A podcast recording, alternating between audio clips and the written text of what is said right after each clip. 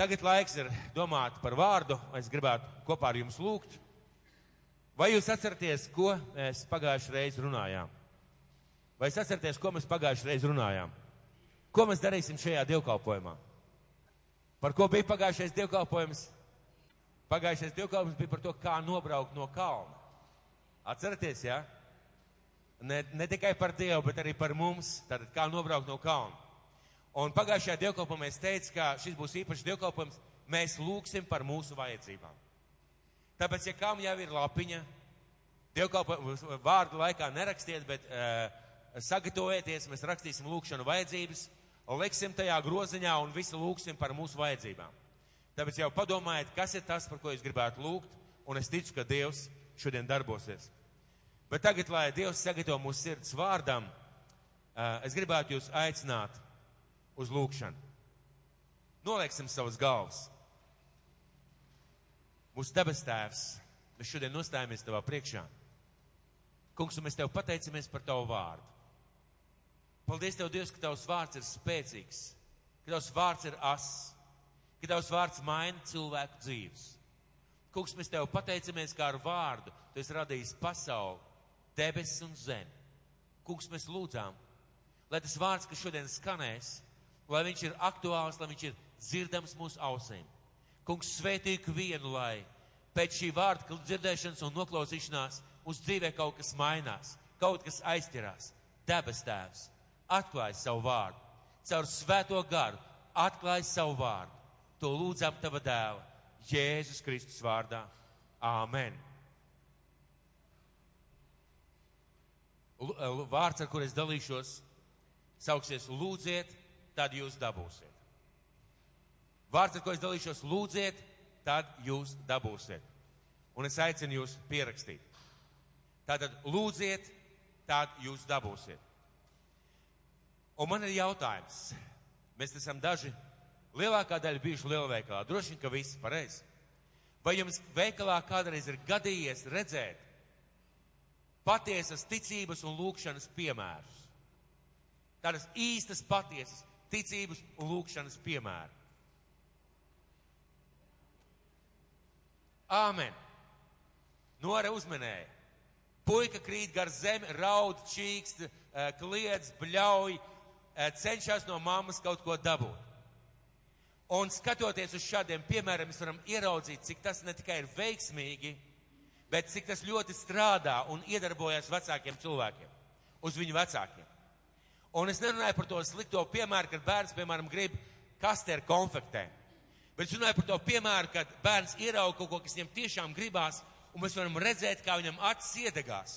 Uh, viņš uh, nevienmēr krīt gar zemi, kad krīt gar zemi, tas jau tāds galējā izmisuma pakāpe. Man vajag un man nedod.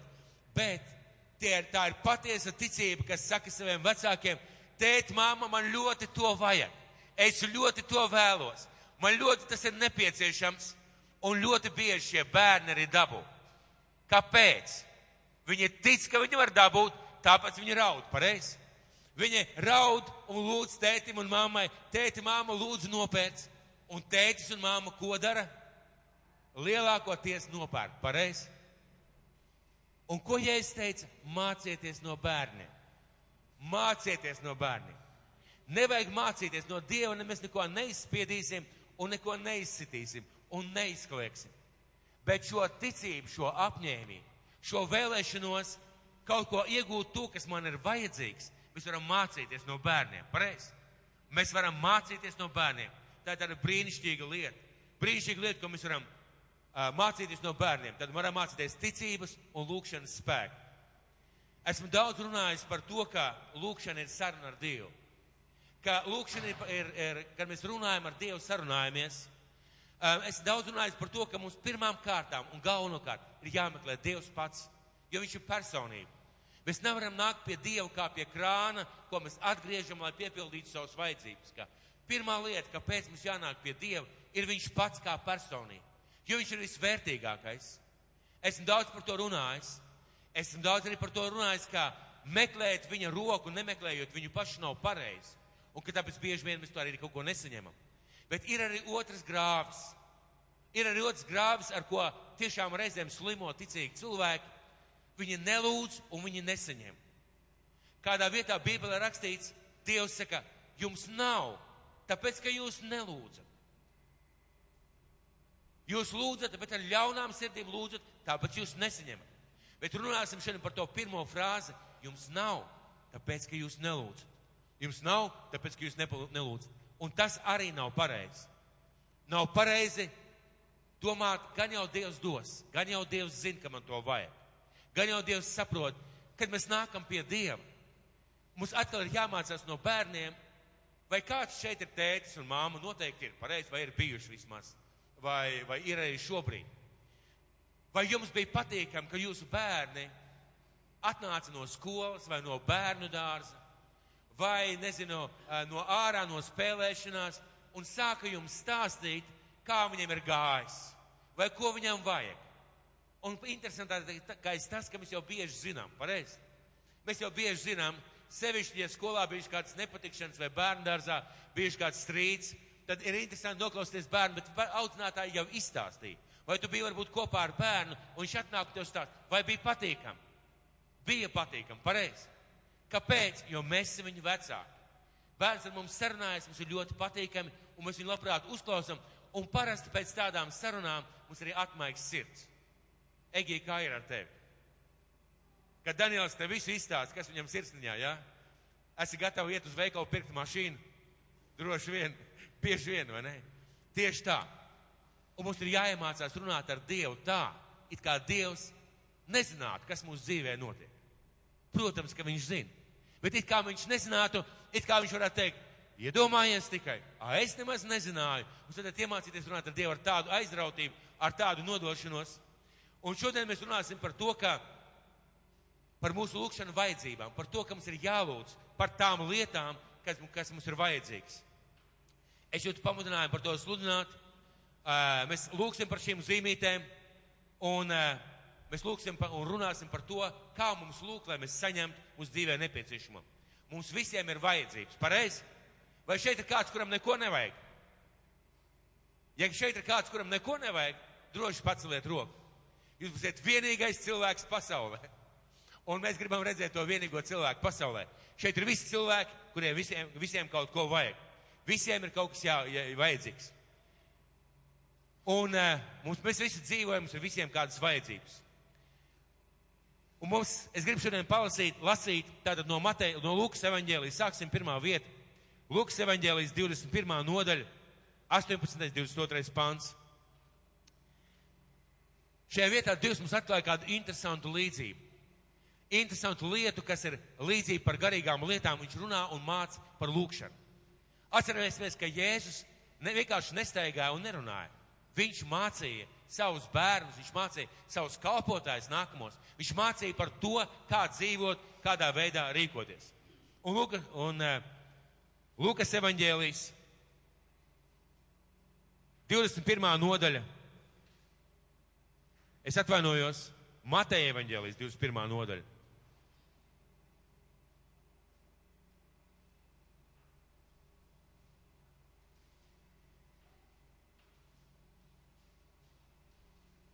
Mateja evaņģēlijas 21. nodaļa, 18. līdz 22. pāns. Mateja evaņģēlijas 21. nodaļa, 18. līdz 22. pāns.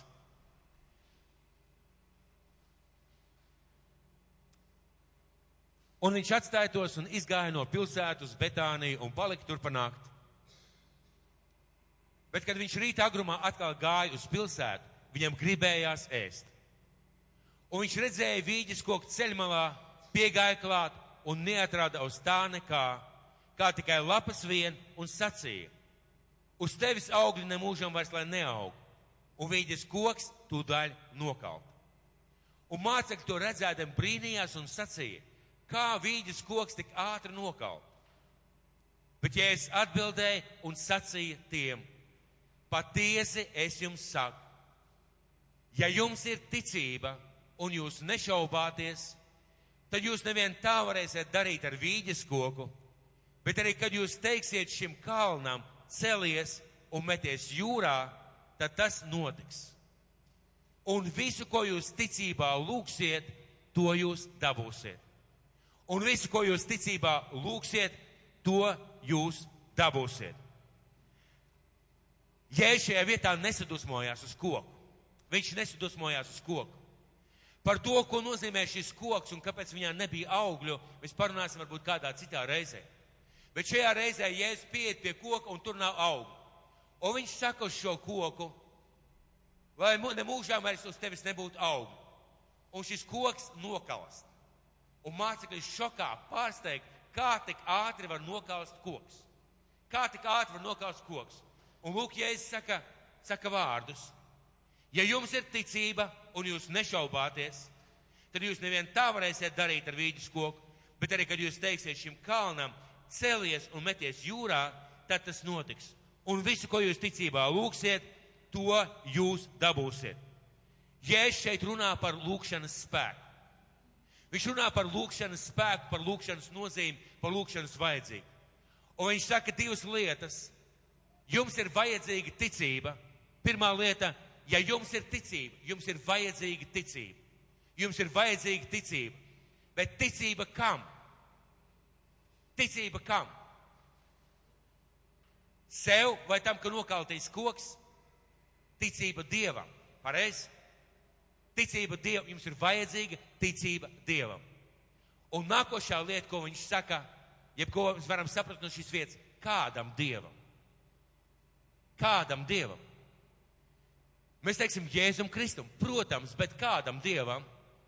Vai mans Dievs ir maziņš, vai mans Dievs ir kurls, akls, neredzīgs, nedzirdīgs, vai mans Dievs ir skops, skaudīgs, negribošs iedot, vai mans Dievs nav mīlošs? Kādam Dievam? Un šeit ir jautājums, kur jāsaka, ja jums ir ticība Dievam un Dievam, kurš var, kurš spēj, kurš vēlās atbildēt uz jūsu lūgšanām, tad jūs to dabūsiet. Pirmā lieta ir vajadzīga ticība. Otrā, lieta, otrā vieta - nešaubieties. Un jums ir ticība tātad, un jūs nešaubāties. Ko nozīmē šaubīties? Ko nozīmē šaubīties par to, ko tu lūdz? Ja es saku, ja jūs ir ticība Dievam, un ja jūs nešaubāties, ka jums to vajag, ka jūs to vēlaties, ka tas jums ir nepieciešams, un ja jūs nešaubaties, ka Dievs jums dos, tādā, tādā gadījumā jums tas viss notiks, un jums nav šaubu par to, ka tas ir Dieva prāts, ka tas ir Dieva prāts. Tālāk viņš lieto līdzību par kalnu. Viņš saka, un kad jūs teiksiet šim kalnam, meties jūrā, tas notiks. Kāpēc Jēzus lieto, ko nozīmē kalns? Kalns ir mūsu problēma. Kalns ir mūsu vajadzība. Kalns ir tā lieta, ko mēs lūdzam no Dieva. Tas ir kalns. Kāpēc Jēzus lieto tik paradoxālu piemēru? Kāpēc viņš saka, ja jūs teiksiet šim kalnam, tas metīsies jūrā, kā tas varētu izskatīties, acīm redzot, tur bija kāds kalns. Kā jums liktos, ja, piemēram, mācītājs teiktu uz skatuvi? Skatuve pazuda no šejienes. Jūs teiktu jocīgi, pareizi, jā? Ja? Pirmkārt, kāpēc skatuvei jāpazūd, otrkārt, kā skatu var pārvietot. Un es redzu, ka Jēzus šeit lieto šo neticamo līdzību, lai parādītu lūkšanas spēku un atbildes iespējamību. Jo ja var pārcelt kalnu, kurš ir kādreiz pārcēlis kalnu, izņemot Dievu, ja var ar lūkšanas spēku pārcelt kalnu, tas nozīmē, ka visu spēj tas, kas tic, pareizi. Visu spēj tas, kas tic. Ja es lietošu šos divus simbolus, kalnu, viņš saka, problēmu jūs varat dabūt projām no savas dzīves, ja jūs lūdzat. Un tāpēc, lai pierādītu lūkšanas spēku, lūkšanu ticību un Dieva mīlestību, ka Dievs var to visu darīt. Un 22. pants vēlreiz. Un visu, ko jūs ticībā lūksiet, to jūs dabūsiet. Un visu, ko jūs ticībā lūksiet, to jūs pats dabūsiet. Jēzus pats ļoti daudzās vietās demonstrē ticību. Viņš demonstrē ticību pirms, piemēram, tas aklais cilvēks ir dziedināts. Jēzum vajag ticību, ka Dievs viņu dzird, ka tas ir pēc Dieva prāta, ka Dievs visu var, lai pieiet pie šī aklā cilvēka un pateiktu, acis atveraties. Viņam ir vajadzīga ticība. Viņam ir vajadzīga ticība. Pirms viņš saka, atnesiet to vīnu un noliekat šeit, un es lūkšu par viņu pārvērtīšu to ūdeni un pārvērtīšu vīnā, viņam ir vajadzīga ticība, ka tas notiks. Un Dieva vārds saka, visu spēj tas, kas tic. Tas nozīmē, ka tev ir jātic, ka tas notiks. Kāpēc tas ir tik svarīgi? Kāpēc tas tik svarīgi? Ja es pats demonstrēju daudz šo ticību, viņš zināja Dieva gribu. Jēzus zināja Dievu gribu. Viņš zināja Dievu plānus, Dievu nodomus un Dievu vārdu. Viņš zināja. Kāpēc mums ir svarīgi lasīt Bībeli? Kāpēc mums ir svarīgi iedzināties Dievu vārdā, būt kopā ar Dievu, lai mēs zinātu, kāda ir viņa griba, kāda ir viņa griba. Piemēram, viena no nepareizām priekšstatiem par to, par Dievu gribu ir, ka cilvēks saka, man ir slimība, bet laikam jau tāda Dieva griba. Es esmu nabaks, bet laikam tāda Dieva griba. Esmu dzirdējis paradoxālu, paradoxālu stāstu, kad kādā dievkalpojumā mācītājs lūdzu saka, ir cilvēki, kuri saka tā, man ir visi zobi cauri, Jēzus dēļ. Man īsti nav ko mugurā uzlikt cauras zeķes un kurpes noplīsušas Jēzus dēļ. Vai tāda ir tava Dieva griba? Ja tu dzīvo kara apstākļos, nabadzībā, neapšaubām būs situācijas, ar kurām tu ies. Neapšaubām būs tāda situācija, bet ja tu dzīvo miera laikā un tev visi zobi ir cauri un tu strādā, kaut kas nav kārtībā, varbūt tu nestrādā. Tātad ir lietas, kur mums jāsaprot, kas ir Dieva griba un kas nav Dieva griba. Kas ir un nav Dieva griba. Ļoti daudz cilvēku lūdz kaut ko no Dieva un nesaņem tikai tāpēc, ka viņi īsti nesaprot, ka tā ir Dieva griba. Ir jāzina, lai nešaubītos. Jēzus nešaubījās, viņš zināja. Un viņš teica, lūdziet, un viņš arī pats lūdz. Jēzus arī pats lūdz. Viņš arī pats lūdz. Un pirms tam, pirms šī notikuma, pirms šī notikuma, Mateja evaņģēlijā 7. 7. nodaļa, 7. pants. To mēs visi saucam par kalnu svētrunu. Mēs saucam par kalnu sprediķi. Un uh, teologs saka, ka kalnu svētrunājums sprediķī ir iekšā patiesībā viss tas, ko Jēzus mācīja, ko Jēzus sludināja, kādā Jēzus, ko, ko Jēzus tā kā darīja tādā koncentrētā veidā. Mateja evaņģēlijas 7. nodaļa, 7. pants.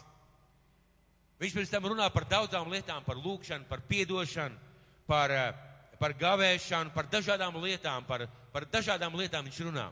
Un lūk, 7. pantā viņš māca savus mācekļus par lūkšanu. Un lūk, ko viņš saka.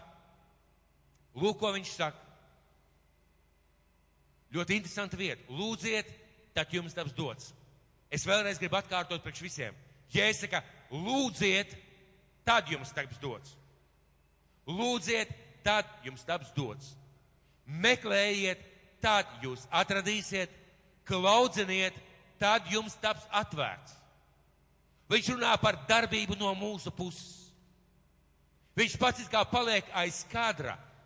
Un tikai vārds taps dots vai taps, atvērts, tas attiecās uz viņu. Viņš saka, jūsu uzdevums ir lūgt, meklēt un klauvēt. Tas tas, kas jums ir jādara, un tālāk viņš saka tādus vārdus. Ja vai, jo ik viens, kas lūdz, dabū, kas meklē, atrod, un tam, kas klaudzina, taps atvērts.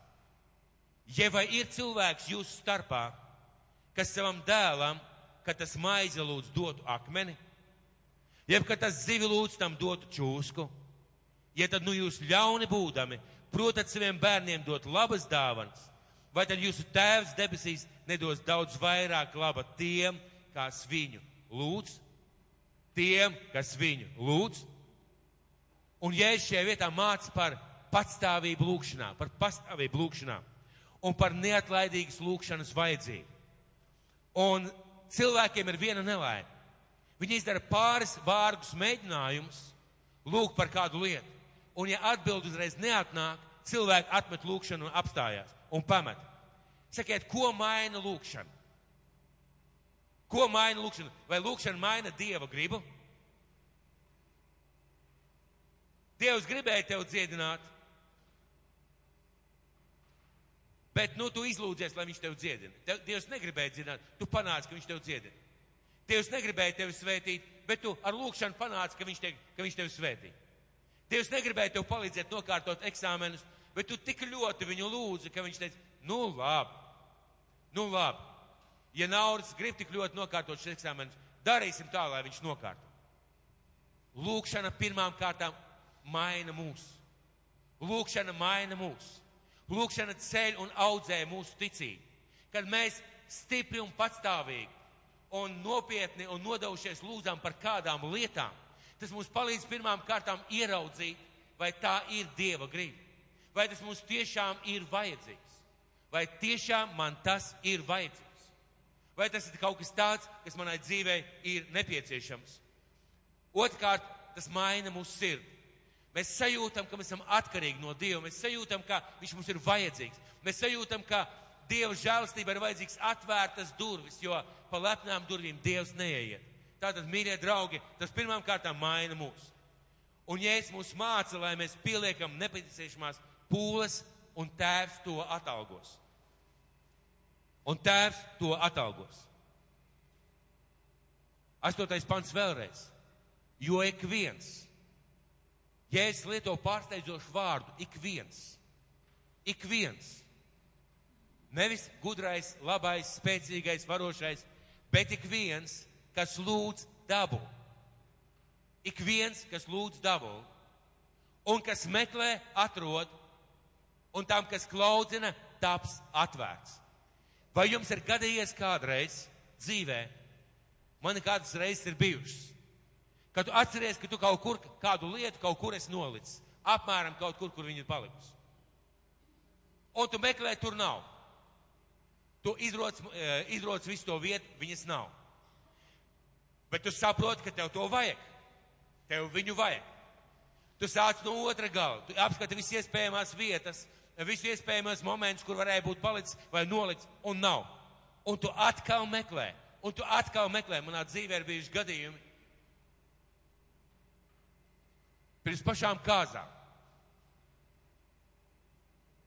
Tur saistīts ar kādu solījumu, bet es noliku gredzenu plauktā. Es nopirku gredzenus un noliku plauktā. Un tagad kāda diena vai diena vai cik ir palikušas, un es meklēju tos gredzenus, un viņu tur nav. Es uzrāpjos augšā uz plaukta, grēdzenu tur nav. Es izroku visu skapi, grēdzenu nav. Man paliek kā augsta sviedri, jo mēs ar sieviņu savācām pēdējo naudiņu, lai nopirktu šos gredzenus. Un nevarēja dabūt zelta gredzenes tajā laikā, laulību gredzenes. Dārgi maksāja un nevarēja dabūt. Pa pazīšanos dabūjām. Un gredzenu nav. Un es saprotu, man nav variantu. Man nav variantu. Un ziniet, ko es darīju? Es kritu uz ceļiem, teicu, Dievs, lūdzu, Es vairs alkoholu nelietošu de, de, desmit gadus. Lūdzu, palīdzi man. Tajā laikā man nebija saprašanas, ka alkoholu vispār nevajag lietot. Bet doma tāda bija. Un es centos Dievu pielabināt. Dievs lūdzu, desmit gadus nedzeršu. Lūdzu, atdot tos gredzenus. Un meklēju, uh, uzreiz pēc tam meklēju un neticēsiet. Vienkārši ieliek roku plauktā un zem rokas gredzenu. Bet kāpēc es viņus atradu? Ne tāpēc, ka es apsolījos Dievam nedzert, bet tāpēc, ka es viņus meklēju pareizi. Bet tas mainīja mani pirmām kārtām. Un tad, kad es biju dabūjis tos grezenus, es biju tik pateicīgs. Tik pateicīgs Dievam, nebija nemaz kā rūktum, kāpēc es tos grezenus ne, neatradu. Es nezinu, kā tas varēja notikt. Man trūks loģiski izskaidrojumi, bet tas man kaut ko nedaudz iemācīja par, par meklēšanu un atrašanu. Un es domāju, ka ik viens mūsu dzīvē mašīnas atslēgas, piemēram, ja? Jūs aiziet ciemos vai kaut kur jāsteidzās, mašīnas atslēgu nav. Un jūs meklējat, jūs meklējat, un atslēga nav. Jūs meklējat tik ilgi, kamēr atrodat pareizi. Es nesen pazaudēju telefonu, izstaigāju visu vietas, nav iespējams atrast, izskatos mašīnā, nav, mājās nav, zvana telefons vairs neatbild, izlādēt. Es domāju, nu, vot tā. Tagad ir cauri. Un es steju vēlreiz uz mašīnu un kāpjot ārā no mašīnas tā, taisot mašīnas iet, noliecos lejā. Es tur iztaustīju, tur nekā nebija. Skatos spīd. Cik labi.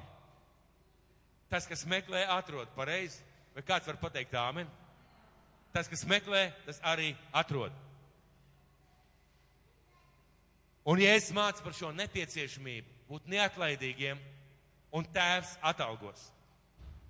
Bet es gribētu pievērst uzmanību 9, 10 pantam un 11. Lasīsim kopā. Un Jēzus, lai pastiprinātu savus vārdus, lai apliecinātu, lai apliecinātu, cik ļoti Dievs grib iedot cilvēkiem to, ko viņi lūdz. Lūk, viņš lieto šos, šos teikumus un šos salīdzinājumus. Un viņš saka tā, ja vai ir cilvēks jūsu starpā, kas savam dēlam, kad tas maizi lūdz, dotu akmeni, jeb kad tas zivi lūdz, tam dotu čūsku, ja tad nu jūs ļauni būdami, protat saviem bērniem dot labas dāvanas, vai tad jūs tēvs debesīs nedots daudz vairāk laba tiem, kas viņu lūdz? Jēzus lieto ļoti satriecošus piemērus, ļoti satriecošus piemērus, un viņš saka tā, ja jūsu bērns, un iedomāsimies, jūs sēžat ar savu dēlu pie galda, jūs sēžat pie galda, dēls vienā pusē un jūs otrā pusē. Un jūsu mazais dēls, trīsgadīgais, tēt iedomāt maizīt. Un jūs hopā no galda atvilknes vai no kabatas akmeni viņam. Ja es saku, jūs tā darīt, jūs tā nekad nedarīt. Vai, piemēram, viņš saka, zivi lūdzu, dēls jums lūdz zivi vai konfekti. Dēls par bērnu parasti lūdz konfekti. Un jūs viņam no akvārija čūsku. Vai tas ir prātams, saprotams? Ja es saku, vai jūs domājat, ka es tā rīkojos, ka es tā daru? Ja jūs ļauni būdami tā nekad nedarītu, vai es tā varētu darīt? Un tālāk viņš saka tādus vārdus. Ja tad nu jūs ļauni būdami, protat saviem bērniem dot labas dāvanas, vai tad jūs tēvs debesīs nedos daudz vairāk labā tiem, kas viņu lūdz? Esmu dzirdējis, ka no Amerikas stāstiem, ka gangsteri, tie, kur šāv viens otru un uh, nodarbojas ar dažādām nelietībām, daži no viņiem ir bijuši ļoti labi ģimenes tēvi, ļoti labi vīri savām sievām, jo tā bija viņu ģimene. Un ja es saku, ja jūs ļauni būdami spējat saviem bērniem dot labas dāvanas, tad jūsu debesu tēvs, un šeit viņš iztaisa tā kā salīdzinājumu. Viņš izveido tā kā salīdzinājumu. Jūs cilvēki ļauni būdami spējat, un tā viņš saka, tad jūsu debesu tēvs, un iedomājies cilvēku un Dievu. Cilvēku un Dievu, iedomājies, cilvēku un Dievu. Ja es salīdzinu, vienā pusē cilvēks spēj dot labas dāvanas, un viņš saka, un jūsu tēvs, tas ir Dievs, tas ir visu varenais, un viņš lieto vārdu nedos daudz vairāk. Ko nozīmē šis teiciens daudz vairāk? Cik mēs saviem bērniem spējam iedot? Cik mums ir ko iedot? Maz, pareizi. Tam pat, kam, kam ir daudz, tam ir maz, vienalga. Un ja es šeit stāju salīdzinājumu ar Dievu, iedomājieties Dievs, cilvēks un Dievs. Un ja es šeit saku, cik daudz vairāk neizmērojami vairāk, neiedomājami vairāk. Jūsu debesu tēvs dos tiem, kas ko dara? Tiem, kas viņu lūdz. Tiem, kas viņu lūdz. Kam dos? Tiem, kas viņu lūdz. Kam Dievs dos neizmērojami vairāk? Tiem, kas viņu lūdz. Mūsu tēvs ir labs tēvs. Viņš ir brīnišķīgs tēvs. Viņš nav skops, viņš nav skaudīgs. Viņa priekšā nevajag rāpot uz ceļiem un raudāt ar rūktas asaras, lai no viņa kaut ko izlūgtos. Viņa priekšā vajag vienkārši nākt ar bērna patiecību un mīlestības pilns ir teikt, tēvs man ir vajadzīgs, palīdz man. Dievs palīdz manā dzīvē, palīdz man, tas man ir vajadzīgs.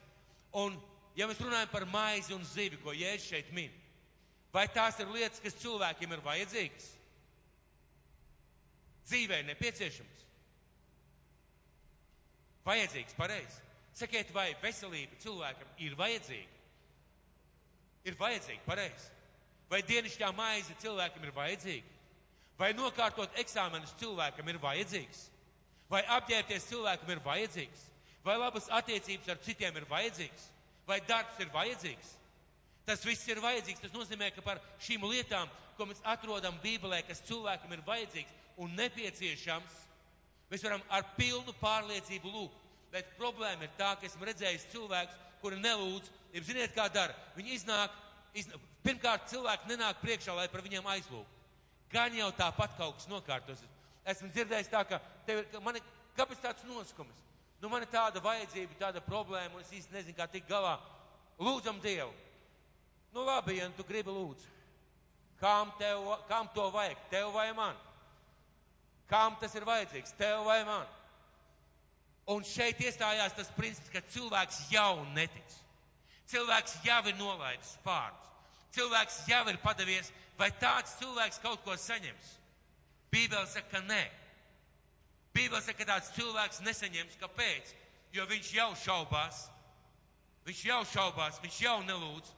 Un mums ir svarīgi mācīties, lūgt nopietni, kas ir vērtīgi priekš mums, un mācīties lūgt ne, neno, e, neatlaidīgi. Kā izskatās neticīga cilvēka lūkšana? Kā izskatās neticīga cilvēka lūkšana? Pati cilvēka lūkšana parāda, ka viņš jau netic. Vai viņš šaubās? Vai viņam ir jautājums, vai Dievs man tiešām to iedos? Mīļais cilvēks, Dievs radīja tevi ne tāpēc, lai tu dzīvotu badā, cauriem zobiem, caurām zeķēm, vai, piemēram, es nezinu, bez darba. Dievs tā tevi neradīja. Ir lietas, kāpēc tas notiek mūsu dzīvē, tas ir grēks, pasaulē grēkā, dažādas situācijas. Bet Dievs saka, jums ir ierocis, jums ir instruments, caur ko jūs varat iziet cauri visam un saņemt no sava tēva svētību. Tā ir lūkšana. Un tāpēc viņš saka, ik viens, kas lūdz, dabūs. Ik viens, kas meklē zem krēsla, zem beņķa, mašīnā, nezinu, uz plaukta, atradīs. Un ik viens, kas klauvē pie sava tēva durvīm, vien, vienam tiks atvērts. Pareizi. To jēzus māca. Viņš ļoti skaidri šīs lietas pasaka. Un cilvēki, kuri lūdz neticībā, viņi jau ir nolēmuši, diez vai Dievs dos. Diez vai Dievs dos. Vai viņi saņem? Nē, kāpēc? Es gribu jums parādīt vārdu no Jēkab vēstules. Jēkab vēstule, pirmā nodaļa, 5. līdz 8. pants. Pirmā nodaļa, 5. līdz 8. pants. Un noteikti kāds teiks, Dievs ir žēlīgs. Jā, Dievs ir žēlīgs. Jā, Dievs sūtīs kaut kādus cilvēkus. Jā, Dievs darīs kaut ko, lai tu nenomirtu badā. Jā, Dievs darīs.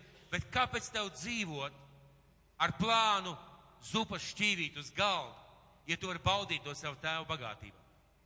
Kāpēc tev darīt lietas vai dzīvot tādos apstākļos, kur tev vienkārši būtu jālūdz, jāpieliek pūles? Kāpēc mums negribās lūgt? Ļoti bieži negribās strādāt. Kāds mans draugs teica, ziniet kā, viņš teica tā. Lūkšana istaba ir darba vieta. Lūkšana istaba nav pastāvīga ēdienas dārzā. Tā ir darba vieta, kur tu satiecies, kur tu strādā, kur tu lūdz, kur tu meklē Dievu. Un Dievs ir tajā vietā, un Dievs maina tavu dzīvi.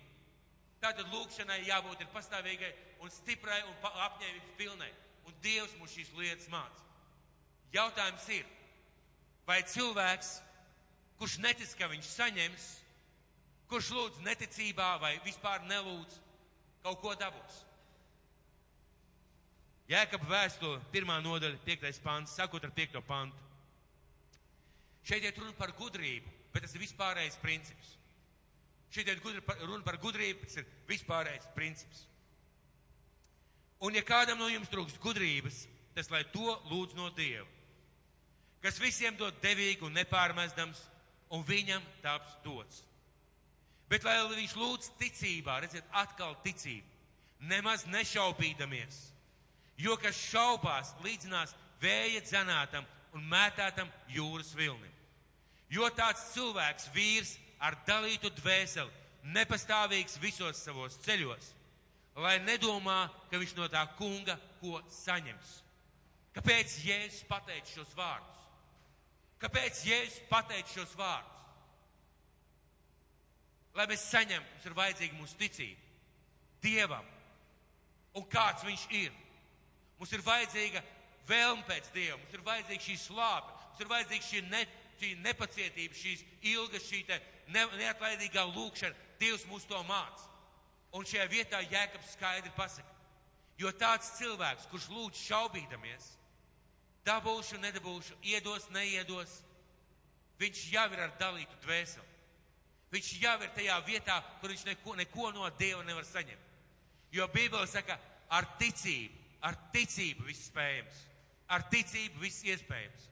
Tātad ticīgajam cilvēkam viss ir iespējams caur lūkšanu un caur paļaušanos un caur Dieva meklēšanu. Vai Dievs vienmēr atbild? Vai Dievs vienmēr atbild? Atgriezīsimies pie vietas, kur Jēzus teica par čūsku. Iedomājies, ka tu lūdz Dievam, debes tēvs, debes tēvs, dod man skaistu meiteni par sievu. Normāla lūkšana? Normāla. Bet man vajadzētu tieši to tajā trešajā rindā no, otrā no otrās puses. Dievs dod man tieši šo meiteni. ā, viņai jau ir draugs, viņa jau draudzējas ar kādu. Nē, bet es ļoti gribu. Man viņa ļoti ir vajadzīga. Ne tu zini viņas raksturu, ne tu zini viņas pagātni, un varbūt viņa vispār nedara tavam raksturam. Un redziet, kur ir lieta.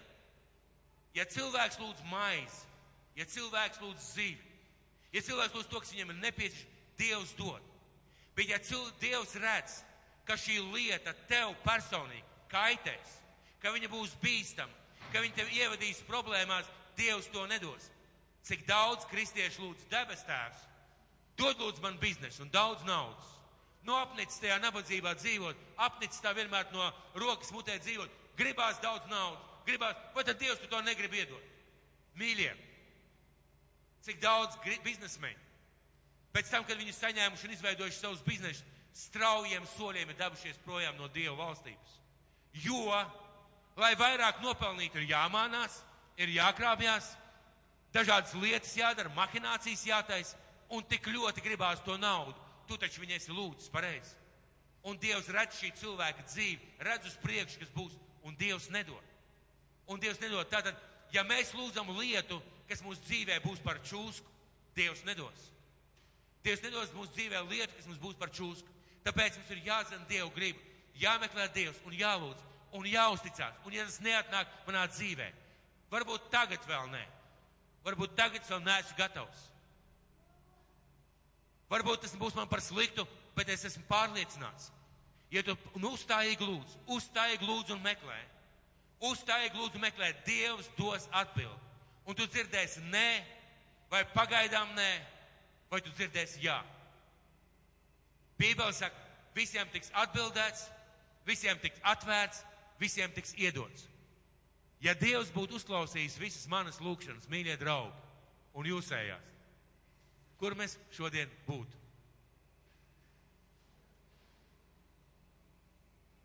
Vai nav bijis tā, ka tu kaut ko, par kaut ko sirsnīgi lūdzi, pēc tam ej, un vairs nelūdz, Un pēc laika tu saproti, wow, ja Dievs šito būtu paklausījis, kas būtu ar mani noticis? Un ziniet, kāpēc mēs viļamies lūkšanā? Trīs lietas. Pirmām kārtām ir jāpieliek pūles un negribas. Negribās pielikt pūles un tik viegli ir padoties teikt, nu gan jau Dievs kaut kad, kaut kā, kaut kādā veidā. Otrā lieta, mēs izdomājam veidu, kā Dievs atbildēs. Mēs jau iztēlojamies, kā tas notiks. Mums ir pilnīgi skaidrs plāns, tas notiks tā. Un patiešo, un ar pirmo sitienu uzreiz gala mērķi. Un ja nu Dievs tevi uz šo atbildi ved ar līkločiem, varbūt trīs soļus atpakaļ, trīs soļus pa labi, trīs soļus uz pa kreisi, un tad tikai uz priekšu. Mēs jau iztēlojamies, kā Dievs atbildēs. Un vēl kāda lieta, mēs jau iztēlojamies, kā Dievs atbildēs. Nu, debes tēvs, man vajadzētu jaunu mašīnu. Bet, zini, tā nebūtu slikti rītā pusdienas laiku. Rītā pusdienas laiku jaunu mašīnu. Nu, nebūtu slikti Dievs, pareizi. Vai, piemēram, man tā kā vajadzētu dabūt augstskolas diplomu vai labu darbu. Bet, nu tā, nu labi, nu pēc, pēc nedēļas es gribu Dievs labu darbu. Un pēc tam nedēļa jau pagājusi Dievs. Es katru dienu lūdzu par darbu. Kāpēc man nav darba? Tajā vietā varbūt vēl vieta nav atbrīvojusies. Varbūt tev vajadzētu aiziet kaut kur citur pamācīties. Līdz ar to es gribēju pateikt, ka Dievam ir savu ceļu, bet Dievs nekādu bez atbildes neatstāja. Un tieši tāpēc viņš teica šos vārdus, tieši tāpēc viņš teica šos vārdus. No, no Mateja evaņģēlī. Lūdziet, tad jums taps dots, meklējiet, tad jūs atradīsiet, klaudziniet, tad jums taps atvērts. Un divas lietas - lūdziet, taps dots, meklējiet, atradīsiet, klaudziniet, atvērs.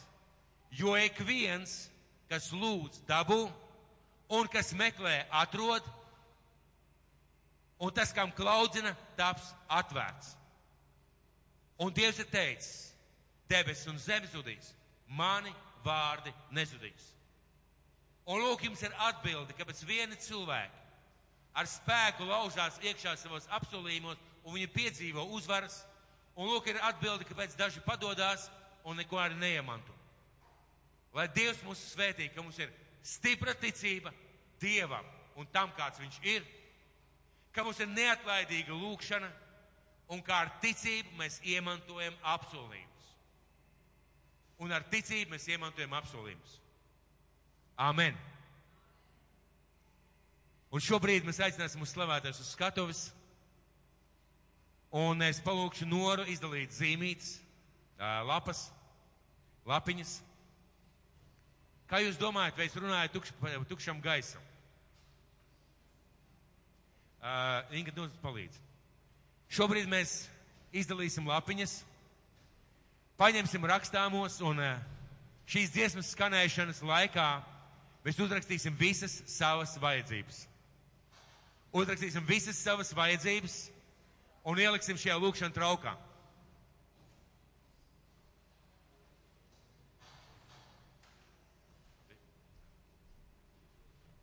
Un pēc tam mēs kopīgi lūksim.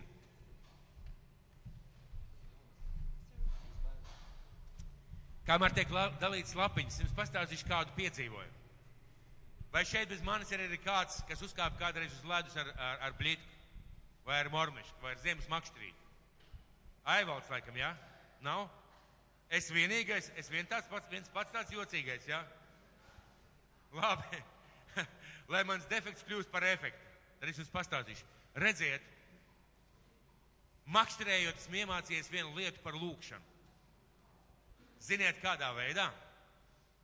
Ziemā makšķerē ar ļoti maziņiem āķīšiem, 5 mm, un reizēm lielas zivis. Un patiesībā tas āķīts īsti tai zivī nemaz neieķerās. Viņš vienkārši nu, tā aizāķējās. Un tu to zivi velc ar ļoti plānu augu. Un ir viens noteikums. Nevienā sekundē šī augla nedrīkst palikt vaļīga. Jo tad, kad tu palaidi to auglu vaļīgu, tā zivs momentāli aizbēg. Viņa momentāli aizbēg. Vienkārši tā tas ir. Redziet, ar mūsu lūkšanu ir līdzīgi. Tad, kad mēs palaidām vaļā mūsu lūkšanu, mūsu atbilde aizbēg. Tas nozīmē, ka mēs nedrīkstam tā darīt.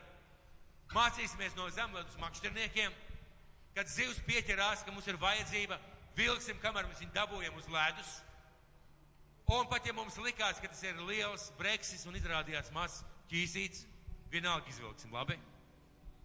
Un tas saistās ar jūsu lūgšanu. Tagad uh, skanēs dziesma, lūdzu rakstiet savus lūgšanu vajadzības. Un pilnīgi noteikti var rakstīt visu, visu, kas jums ir vajadzīgs. Bet rakstiet lietas, kas, par kurām esat pārliecināts, ka jums tas ir vajadzīgs. Droši viss.